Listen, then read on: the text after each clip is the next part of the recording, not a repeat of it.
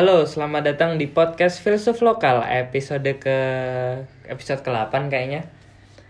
Eh, hari ini lagi ditemenin sama temen gua Habib Ferik, tapi katanya nggak suka dipanggil Habib, Panggil Ferik aja. panggil Ferik. Eh, jadi gini Rik, ini podcastnya kurang lebih kenapa namanya Filsuf Lokal? Karena ya filsuf tuh mungkin banyak orang yang bilang yang mikir, yang mencetuskan sesuatu. Cuman eh, standing point gua gua stand di kata-katanya Plato. Dia bilang aku nggak bisa ngajarin apa-apa, aku cuman bisa memantik orang untuk berpikir. Jadi standnya di situ podcastnya kan ada podcast harus ngasih ilmu, podcast harus ngajarin sesuatu ini nggak cuman biar ya orang tambah mikir aja kan kita mikir nih ya udah kita sebar pemikiran. Jadi gitu re. Mantap, mantap. Hari ini kita pengen ngomongin tentang apa ya keluhan kuliah, Iya, keluh kesah. keluhan anak-anak muda, susahnya kuliah, segala macam. Apa kendala-kendalanya, ya kan? Iya, iya. Kalau sibuk kuliah sibuk apa, Rick? Sibuk kuliahnya tuh gimana? Coba kasih tahu lu jurusan jurusan apa? Iya. Lu kuliah di mana? Perkenalan coba. Eh, Santai iya. aja, cuy. Perkenalin nama nama gue Ferik, gue kuliah di Iran di Universitas yang namanya Ferdowsi itu di kota Masyad. Dan gua itu jurusan teknik, teknik metalurgi, teknik material dan metalurgi sebenarnya lebih tepatnya. Ya kita anak teknik ya emang kita agak ini ya, agak apa namanya, agak sibuk emang kita itu. Mantap. Karena kita itu emang anak teknik itu emang didesain gimana kita bisa pikiran kita pikiran kita itu untuk membuat dunia lebih maju gitu kan betul nggak? Wis, membuat dunia lebih lebih develop gitu benar nggak? Eh, lebih berkembang karena emang kita ini kan seorang engineer ya? Ya emang kita tuh agak sibuk sih. Kita banyak baik tugas dari dosen segala macem. Ya tapi ya ada plus minusnya sih. Memang minusnya itu ya berat sebenarnya membuat kita. Karena kita misalnya ada pelajaran misalnya banyak kita ngambil pelajaran gitu kan ya. Tapi ya plusnya ya ya itu ada untungnya gitu buat kita memang. Karena pada akhirnya emang dengan banyak tugas yang dosen kasih segala macam memang bakal membuat kita lebih menjadi engineer yang lebih baik memang. Oh. gitu Lu pernah kuliah di Indonesia nggak? nggak apa Jurusan teknik gitu. gue pengen bandingin sebenarnya kuliah teknik di Indonesia sama di sini sulit di sulit di mana gitu, berat di mana. Kalau eh, hal yang paling berat di kuliah jurusan lu apa, Rick? ya kalau gue kalau misalnya pengen bilang lebih hal yang paling berat ya ini sih sebenarnya tugas-tugas yang dosen kasih karena kita kan kita banyak karena kita kan teknik ini lebih belajar ke tentang pengaplikasiannya jadi dosen tuh banyak ngasih kita tugas-tugas-tugas yang emang aplikasi misalnya kita harus ngerjain apa ada sebuah misalnya ada soal segala macam kita harus ngerjain misalnya pakai apa yang namanya kayak Excel segala macam itu kan lebih itu kan aplikasi banget sebenarnya Oh, pakai eh, application software, like ya. software. aha. Hmm, itu rumus-rumusnya ribet dan banyak banget gitu Iya ya. rumus-rumusnya tuh yang equationnya tuh memang equation ya gitu lah Banyak X, banyak Y, banyak keriting kayak mie ya Oh iya iya iya. equationnya muter-muter gak jelas Hmm. Tapi eh, pernah bandingin nggak lo sama teman-teman di Indonesia atau sama saudara apa sama siapa gitu di Indo? Bayang. Iya, gua- bandingin aja gitu. sama teman-teman gua sama abang gua juga pernah yang di Jerman Hmm, di Jerman. Hmm. Jurusan apa abang lu? abang gua ambil energi energi diperbarukan ya gue bandingin sebenarnya kurang lebih sih kita emang engineer tuh banyak itu belajar pakai software segala macam karena emang pada dunia kerjanya emang semua dipakai software Udah pakai software. Semua Jadi pakai nggak nggak dihitung manual. karena gitu, kalau gitu. dihitung manual kan manusia kita baik buat salah cuy ntar ada kesalahan ngitung bahaya ntar But uh, di idenya foundationnya udah jelas. foundationnya itu kita pelajari di kuliah dengan hitung-hitungan pakai tangan itu. Ah, itu foundation, foundation. awalnya, basicnya. Soalnya harus kalau pakai aplikasi doang gampang lah diajarin bisa pasti Iya kalau pakai software doang mah emang semua juga bisa diajarin. Tapi sebenarnya. foundationnya penting nanti ngawur dia nggak tahu kenapa harus begini kenapa harus. kalau misalnya tiba-tiba di software ada kesalahan, Mm-mm. kalau misalnya kita udah pernah belajar basicnya mungkin kita bisa tahu ntar gimana cara betulin kesalahan di software ya segala macam. Hmm. Misalnya ada equation yang salah apa gimana gitu. Oh, tapi tadi menarik loh sempat dibahas tentang uh, anak teknik itu sulit karena digojlok untuk membuat dunia ini tambah develop atau cita-citanya emang untuk menciptakan hal baru, Betul. memajukan peradaban. Itu kan concern yang sangat besar ya. Hmm. Kalau lo punya concern sebesar itu nggak Rick untuk membangun dunia ini, bikin teknologi baru ini ngawur aja tapi apakah punya? ya sebenarnya ya punya sih emang kita tuh apa namanya pasti kita punya pikiran-pikiran gitu kita anak-anak engineer tuh Ah. kita punya pikiran yang kayak gimana caranya sih kita setelah lulus dari kuliah tuh manfaat apa yang bisa kita bawa untuk dunia ini gitu kan ya apa yang bisa kita apa ya kita kembangkan misalnya Ah. apa inovasi baru apa yang bisa kita berikan gitu kan ya. Mah- karena kan emang manusia itu kan ini kan apa namanya makin zaman makin ini kan makin apa istilahnya makin maju makin berkembang pemikirannya eh, it's pemikiran tapi Iya. kalau em, teknologi gitu pengen bikin apa gitu belum kepikiran Wah, karena kuliah belum ya? Belum kepikiran itu sendiri. Hmm, iya, iya. itu mungkin nggak tahu ya nggak tahu ya. Kalau nilai bagus Rick nilai nilai ya standar sih sebenarnya. Sebenarnya Standar. dibilang bagus enggak tapi standar. Maksudnya Standar. di atas rata-rata. Oh. Tapi standar. bi- anu dong above standard dong. Dia ya bawah standar dikit lah. Dikit. Atau Ya, kalau oke. sama dibandingin sama orang-orang Iran ya gue sebenarnya agak di atas dikit sebenarnya. Oh kalau sama orang Indo berarti di atas Iya, orang. Indonesia lain di atas. Mungkin, mantap mungkin ini. Mungkin inspirational. Tanya imbangin waktunya gimana? Kan kalau merantau kan jelas banyak banget yang diurus. Belum bersih bersih kamar masak belanja. Kalau gue sendiri nih ya gue itu sebenarnya gue yang paling gue prioritasin itu misalnya kok belajar sih sebenarnya. Misalnya kita memprioritasin belajar dulu di awal-awal segala macam setelah belajar kelar kita bisa misalnya ngelakuin hal-hal lain-lain gitu. Hmm. karena emang kan kita di sini untuk kuliah kan berarti itu jadi prioritas utama memang. Ah, ya gue kalau untuk nyeimbangin waktu ya sebenarnya ah, waktu sih pasti ada. Itu pasti ada. Iya cuman kan karena emang orang suka kepikir waduh gimana nih kalau misalnya apa namanya Ah, tugas banyak kita nggak ada waktu buat hal-hal lain buat apa misalnya main segala macam sebenarnya waktu ada ada ya sebenarnya ya. Pinter-pinter kita aja apa namanya ngisi apa memanfaatkan waktunya gitu loh mantap. Ya kalau gue theoretically paham lah tapi gue sering nih ada ada ujian ada tugas gitu. Akhirnya ya kerjain sebisanya lah kirim aja. Lu tipikal yang gitu nggak? Atau tugas tuh harus pertama ya dilakukan gue sebenarnya agak kayak lu gitu sih. Hmm. karena emang beberapa di apa dosen-dosen di Iran ini dosen-dosen teknik di Iran ini mereka nih kadang-kadang mereka nih ngelihat effortnya bukan hasilnya. Hmm. karena mereka tahu nih ketika kita ngerjain misalnya walaupun seberapa pun misalnya mereka tahu "Oh, nih anak nih ada effortnya. Iya ada effortnya gitu lah ada usahanya untuk ngerjain gitu bukan orang yang males gitu. Oh. ya maksudnya yang nggak harus yang kayak wah pokoknya gue harus bener nomor satu segala macam ya enggak sih. Enggak ya? Karena kan kita emang nggak semuanya sama gitu loh pinter semua jenius semua kan enggak ya. Ya sebisanya aja lah yang penting mah dikerjain sebenarnya. Setidaknya ada usahanya gitu tapi pernah nggak usaha terus nilainya jelek atau usaha tapi ternyata usahanya apa ya usahanya nggak nggak berhasil apa apa Pernah, gitu ya pernah. usaha doang pernah pernah pernah sakit hati nggak atau gimana Sakit, coba sakit. ceritanya gimana ya itu dulu semester semester awal sih terus rawa Iya, gue udah belajar banyak tapi jatuh nilainya kan. Ya Hmm. mungkin lu pernah ngerasain juga mungkin kita. Udah kita udah belajar banyak, udah setiap hari malam begadang segala macam, tiba-tiba ujian nilai jatuh. Waduh, sakit itu emang. Sakit ada kepikiran pengen Iya. pulang aja atau pengen Iya, ada pindah kepikiran-kepikiran gitu. Gue lebih penting? Gue kalau misalnya udah belajar, misalnya belajar banyak nih, udah belajar, udah usahanya banyak, tapi jatuh nilainya itu gue kepikiran deh. pikiran Ketimbang gue gak belajar sama sekali terus nilai jatuh. Gue Iyalah, tahu karena iya. gue gak belajar, Iya. udah tahu itu emang resikonya gitu. eh udah los los los iya itu gitu. resikonya udah. emang nggak sakit hati sih kalau nggak belajar nilainya jelek Iya, ya iya, udah. benar, benar. masih bisa dikejar semester depan gitu Masih tapi bisa ya. uh, pertanyaannya how to keep uh, keep your motivation gitu how to keep motivated gimana caranya tetap termotivasi itu gimana Iya. kalau lu Kalau gue sih gimana cara biar tetap termotivasi ya ini siapa namanya. Pertama jangan mudah menyerah sih. itu anu banget ah gimana gimana Yang Jangan apa namanya. Misalnya kita udah gagal dari suatu hal jangan yang kayak ya udahlah kelar lah. Gagal udah gue udah pulang udah balik udah balik. Oh. Jangan gitu cuy. Ya lu ya lu gimana caranya lu harus bisa apa namanya? bangkit gitu loh dari kegagalan lu itu. Nah, problemnya gimana cara bangkitnya gitu? Gimana cara menemukan motivasi lagi? Enggak kok kayaknya bisa gitu. Ya Gimana? lu harus ya lu harus lu harus ini siapa namanya misalnya apa yang buat lu bisa jatuh? Misalnya lu apa istilahnya melihat misalnya apa penyebab lu bisa bisa gagal misalnya di ujian gitu segala macam. Misalnya mungkin apa kalau cara belajarnya salah lu mesti ngevaluasi lagi gitu. Oh kalau menurut gue sih ya mengevaluasi misalnya hal-hal yang penyebab kenapa kok kita bisa jatuh segala macam itu yang pertama sih.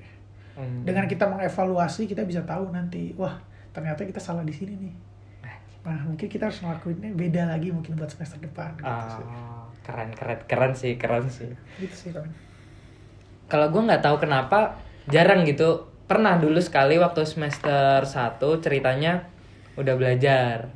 Udah belajar nilainya jelek nilainya 2 2 per 20 jadi di Iran ini skala nilainya 0 sampai 20 teman-teman. Kalau di Indonesia kan mungkin 0 sampai 4 ya. Iya IPK gitu. IP IP IP per semester.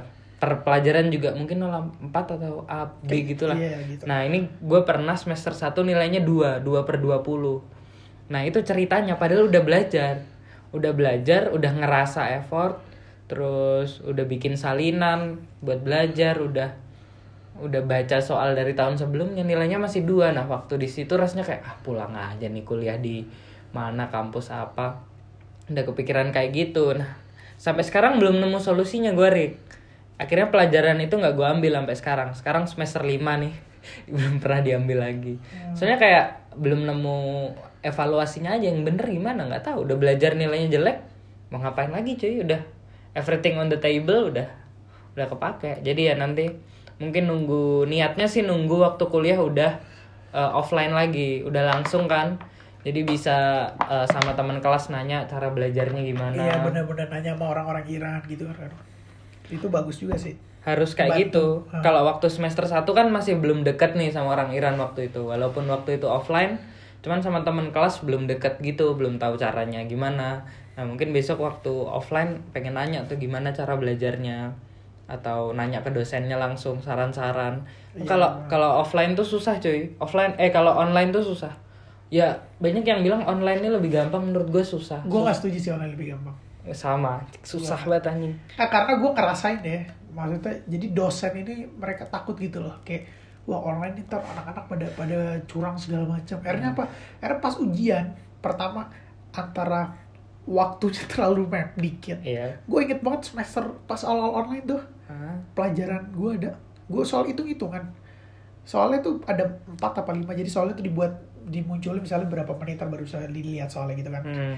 Soal pertama waktu cuma dua menit kerjain. dua menit. Dua jadi menit. emang nggak ada waktu untuk Gak ada buka waktu buat Google. bu- lihat Google nggak ada. Nyontek lu mau lihat di Telegram gitu. Ah. ngechat teman lu nggak bisa udah. Lo ngechat buka Telegram sama menit udah hilang. Oh. Akhirnya mau lu harus ngerjain. Nah gue ngerjain tuh set akhirnya apa coba kalau gitu? Gak teliti cuy. Iya panik juga. Ya panik. Padahal soalnya emang gampang banget emang soal-soal Ah. bentar tapi nggak teliti cuy. Akhirnya gue pas ngerjain set gue kumpulin Panik. terus pas gue lihat jawaban gue kebalik gue masukin. Nih salah Eh, udah. di equation salah. Iya questionnya kebalik masukinnya Ah. salah udah. Nah atau enggak soalnya sama dosennya dibuat waktunya lama tapi soal susah banget. Jadi walaupun lu search di internet nggak bakal ada. Nggak bakal nemu. Search di Google apa tanya temen lu. Hmm. dia oh kalau teknik mungkin gitu ya. Kalau jurusan gua kan eh, soalnya itu emang nggak bisa dicari di internet. Jadi tipikal soal kalau yang bisa dicari di internet kan soal yang eh, tahun kapan misalnya atau siapa bisa di search misalnya siapa eh, proklamator Indonesia langsung ketemu Soekarno atau kapan Indonesia merdeka gitu kan bisa di search Bener, nah soalnya ini tipikal eh nazar atau apa sih nazar? Pendapat. opini pendapat atau esai singkat berapa paragraf yang kayak gitu. Jadi lu udah pernah baca eh, buku yang dikasih atau PDF yang dikasih udah dibaca baru nanti minta disimpulin dipetain lagi gitu. Biasanya cuma 4 soal 5 soal aja ujian. Iya, tapi iya. sulitnya itu jadi nggak bisa nyontek cuy. Iya, kalau baru mau nyontek waktu hari H kan searching tuh berarti. Nggak ada waktunya nggak ada. Iya. jadi harus udah paham mbak. Baru waktu ujian nih ngerangkai katanya gitu. Iya gitu juga. Iya sama teknik itu sebenarnya. Walaupun emang mungkin ada mungkin di internet tapi biasa di internet itu yang soalnya mudah sih Hmm. soalnya itu simpel tapi dosen tuh nggak bakal ngasih soal itu pasti mereka ngasih soal yang lebih agak susah dan kayaknya Yang dosen ribet, udah dan dosen udah tahu pasti udah Iya, paham dosen lah kuliah dari S1 sampai S3 habis itu masih ada pendidikan diklat-diklat kan. iya bener. Pasti mereka juga udah lebih paham lah gimana caranya bikin soal tuh eh, bener-bener untuk nguji mahasiswanya. benar-benar ya Nah, terus yang pengen gua omongin di sini ini bagi waktu, cuy.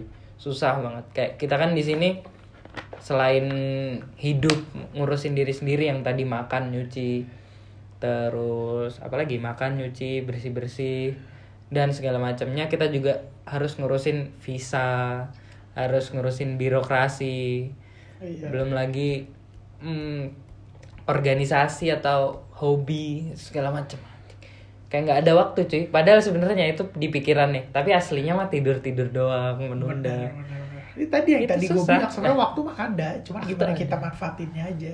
I- itu motivasinya yang kurang bukan waktunya yang kurang waktunya Waktu cukup semua ada. orang Waktu semua cukup. orang punya waktu cukup semua orang punya Cukup lebih 24 malah jam waktu tuh sama. sebenarnya. Cuman itu motivasinya nggak ada kayak buat apa dikerjain nanti bisa akhirnya nggak kelakon nggak nggak- Iya, ini pertama sih menurut gue. Nunda-nunda tuh jangan pernah nunda-nunda sih. gimana caranya biar nggak nunda-nunda ya Ya lu harus ini set target di, di otak lu. Set target di otak lu misalnya. Pokoknya jam segini gue harus ngelakuin ini ini ini. ini. hmm. Harus set di mindset lu tuh harus pokoknya jam segini gue harus ngelakuin ini harus ngelakuin ini. Karena ketika lu telat ngelakuinnya itu konsekuensinya tadi. Hmm. Ntar lu jadi eret, males-malesan, segala macam. tapi males-malesan tuh enak loh serius enak Iya, kayak capek kan misalnya habis kelas nih habis kelas eh, misalnya hari ini ada tiga kelas habis itu kan masih ada tugas tuh sebenarnya cuman ya pengennya nyantai-nyantai dulu lah Hmm. buka TikTok waktu buat nyantai soalnya mas se- sebenarnya otak nggak cuy. apa-apa sih waktu-waktu nyantai itu kita butuh istirahat juga karena kita kan gak 24 jam belajar kan ya Mm-mm. otak aku sih gak 24 jam belajar kan anu ya, deh. kayak tabletnya Alvin gosong dia punya motherboardnya kan ya coba deh itu siapa namanya waktu istirahat kita wajib harus istirahat cuy Hmm. Nggak bisa cuy cuman ya terkadang kita ini ini apa namanya berlebihan istirahatnya Iya. Sebenarnya udah cukup pastinya istirahat nih. Otak ibarat kata udah refresh lagi, cuman kita lanjut lagi. Nah, itu males-malesan itu. gue punya satu Istirahat teori berlebih itu Nah, males-malesan. tapi gue punya satu teori nih. Untuk ngerjain sesuatu, kita harus uh, motivated. Kita harus merasa termotivasi. Nah, untuk terasa termotivasi, we need to be in a good mood. Jadi kalau kita nggak good mood, kita nggak termotivasi. Kalau nggak termotivasi, akhirnya nggak kelaku, nggak terjadi. Nah, untuk bisa good mood ini kita harus nyantai-nyantai. Jadi ada paradoks gitu di situ. Benar. Gimana kita harus nyantai sampai di posisi good mood, akhirnya termotivasi, uh, baru akhirnya bisa belajar atau bisa ngelakuin hal itu. Saya kayak Nah, tapi akhirnya kita nyantai-nyantai lama, itu nggak bikin good mood juga. Nah, itu paradoks yang sulit, cuy. Gimana caranya bikin good mood dalam waktu yang singkat? Soalnya menurut gua nih, kalau lu bisa bikin diri sendiri good mood in 10 minutes, dalam 10 menit, itu eh, wak- eh, waktu tuh bakal cukup semuanya buat ngapain. Iya, benar. Kayak abis kuliah nih capek, istirahat 10 menit udah langsung good mood, langsung termotivasi. Masalahnya gua nggak bisa, Rick. Gue nih abis kelas harus nyantai-nyantai dulu, main-main gitar, main piano kan. Iya. Ya udah berdebu. Nonton film apa baru bisa good mood, baru termotivasi. Nah, lu gimana, Rick? Bisa nggak lu abis kelas nih istirahat bentar langsung berdiri lagi gitu? Bisa nggak? bisa, bisa, bisa. Bisa. Nggak, karena karena gue itu suka kepikiran deh kalau misalnya ada sesuatu yang belum dikerjain, sesuatu yang penting banget belum dikerjain tuh gue kepikiran deh. Sampai tidur gue kepikiran deh. Yang kayak gue kepikiran betul-betul gak bisa tidur gue ya karena waduh gue belum gini, gue belum gini, gue belum gini Ah. nih. Nah di situ tuh gue set mindset gue makanya harus diutamakan. Hmm, makanya harus dikerjain lah biar lega gitu. Iya, biar ngincer, lega, ngincer leganya ya. Bener. Nah, ketika udah lega, ah, itu lebih enak tar lu ketika istirahatnya males-malesan kan. Ah. Ketika lu males-malesan, ketika udah gak ada yang dilakuin lagi enak ya. Ah. Tapi ketika lu males-malesan masih ada hal yang harus dilakuin gitu. Misalnya, waduh gue ada ujian, gue belum belajar sama sekali, gue belum bisa, tapi lu males-malesan, ya enak deh. Oh iya, males-malesan kalau kepikiran gak enak Males-malesan juga. ya. kepikiran tuh. Kalau males-malesan waktu lega tuh enak banget cuy emang. Iya, yang, Gak yang ada kayak- kerjaan. Yang kayak emang lu mal istirahat itu karena lu udah melakukan semua hal gitu dan emang lu butuh emang butuh waktu istirahat itu. Hmm, Karena lu udah, udah melakukan semua hal. Ah, tapi ini fun fact loh. Ternyata bikin podcast langsung tuh enak banget. Langsung kayak gini enak, ketimbang dari Zoom atau eh, rekaman jarak jauh pakai Anchor. BTW ini sekarang kita lagi pakai aplikasi Anchor. Aplikasi ini gampang banget buat teman-teman yang bikin podcast dan ini 100% gratis termasuk rekaman dan distribusi ke platform lainnya. Yuk jangan lupa download Anchor dan bikin podcastmu sekarang. Mantap. Sekalian iklan Mantap. udah masuk AdSense ya gitu lah. Belum belum belum masuk AdSense. Anchor tolong segera email saya. Saya mau di endorse. iya. Ya, kayaknya Anchor gitu deh. Ya tapi gitulah. Kalau langsung gini enak cepet responnya. Ketimbang dari zoom tuh kayak ada jeda satu detik satu detik baru direspon. Akhirnya kaku kaku kaku terus. Kalau gini lebih lebih luas sih lebih nyantai. Gimana kalau kita bikin podcast ini jadi terus terusan Rick Mungkin nggak gini. sih. Soalnya ini effortless, effortless. Podcast ini gampang banget bikinnya. Ya emang terkadang orang nih pengen ngelakuin sesuatu nih kalau banyak effortnya nih agak males ya. Iya, iya. Iya. Terlalu baik yang harus dilakuin. Kalau gini kan enak gitu loh. Santai. Kalau kata orang Iran rohat. Nanti santai. gue punya teori, ini teori pernah baca sih, cuman gue lupa baca di mana. Baca apa itu? In order to be productive, uh, selebrasi usahanya itu harus lebih kecil rasanya ketimbang selebrasinya. Jadi usahanya kecil, selebrasinya lebih tinggi. Itu lo bakal produktif terus, bakal ngelakuin hal itu terus. Tapi ketika uh, usahanya tuh di atas dari selebrasinya, maksudnya usahanya lebih gede, tapi ngerasa celebrate-nya tuh cuman di bawahnya, akhirnya anjing gak worth it. Akhirnya gitu. Iya, nah, jadi Ya kembali ke tadi pembahasan kita yang awal. yang mana? Yang kita udah usaha belajar harus. oh benar cuy. Iya, Iya kan? Ah, ah, ah, ah. iya iya benar. Jadi emang oh berarti jangan-jangan eh, kesimpulannya tuh kita harus bisa efektif usahanya, Benar, usahanya usahanya efektif. Jadi eh, rasa puasnya tuh lebih gede dari usahanya. Nah itu kalau kita udah berada dalam cycle itu, effortnya efektif, terus output selebrasinya lebih tinggi, itu bakal kita dalam cycle produktif terus. Benar, benar. Ini udah berapa menit sih kalau udah dapat kesimpulan anjing pinter ya gue kita Rick. Emang gimana caranya kita itu usahanya itu gak usah sebanyak-banyak mungkin, tapi efektif. Efektif. Karena ketika efektif, ya tadi hasil yang bakal didapat, reaksi yang bakal kita dapat tuh pasti bakal bagus. Tapi in order to be effective, we need to do it uh, repeatedly atau kita harus sering ngelakuin itu ya sering terus-terusan Bener, biar bener, biar tahu cara Bener. efektifnya Tahu gimana. kenapa? Karena ketika kita melakukan terus menerus, kita bakal tahu misalnya misalnya kita pertama kali ngelakuin, terus kita lakuin lagi kedua kali, terus kedua kali kita tahu wah ternyata nih yang pertama kita ada kesalahan di sini. Hmm. Betul kita lakuin yang ketiga kali, wah ternyata kita ada kesalahan di sini. Di situ Hmm. kita jadinya tuh ya tadi evaluasi diri, Hmm. evaluasi apa yang kita lakuin tadi. Hmm. Dengan melakukan terus menerus tuh kita bakal paham. Oh, ternyata Oh. kita salah di sini, kita salah di sini, kita salah di sini. Ah. Gimana cara kita terus ngelakuin, ngelakuin evaluasi evaluasi sampai kita mendekati perfect, mendekati sempurna. Karena memang kesempurnaan hanya milik Tuhan kan. Gila gue ini podcast anjing. Pinter banget kita ya. Kesempurnaan hanya milik Tuhan. Anjing. Baru 21 menit padahal. Kayaknya kita harus bikin podcast serius nih, Rik. Tapi ya jangan yang serius, nanti effortnya terlalu besar tapi selebrasinya nggak seberapa. Enggak, kalau yang kalau gue gini. ada di pikiran gue tuh pembahasan serius tapi di apa conversationnya tuh santai gitu. Itu udah biasa, Rik. Itu biasa ya. Udah udah sering formatnya dipakai. Orang-orang udah pakai format itu. Mana orang eh, yang serius dibawanya santai. Kenapa kita nggak bawain hal santai tapi dibawa serius? Tahu nggak lu? Jadi hal konyol nih. Oh, maksudnya pem- Kita oh, paham, paham, hal konyol kita bahas pakai teori-teori. Paham, paham. Betul, Jadi betul. ada hal konyol yang terjadi di society atau hal lucu atau hal, hal apa, terus kita riset bentar, misalnya tentang teori sosiologi tentang pembentukan apa atau kita Bener, bahas dalam eh, opini kita gitu. Bener. formatnya biasa banget kalau ada hal serius gitu. Nah, kita coba kali ya, kapan nih? Besok, dua hari lagi. Terserah gue. Oh, ya, terserah ya. Tapi gue lihat dulu sih gimana. Oh, Ada iya. waktu kosong ya aman. Mantap.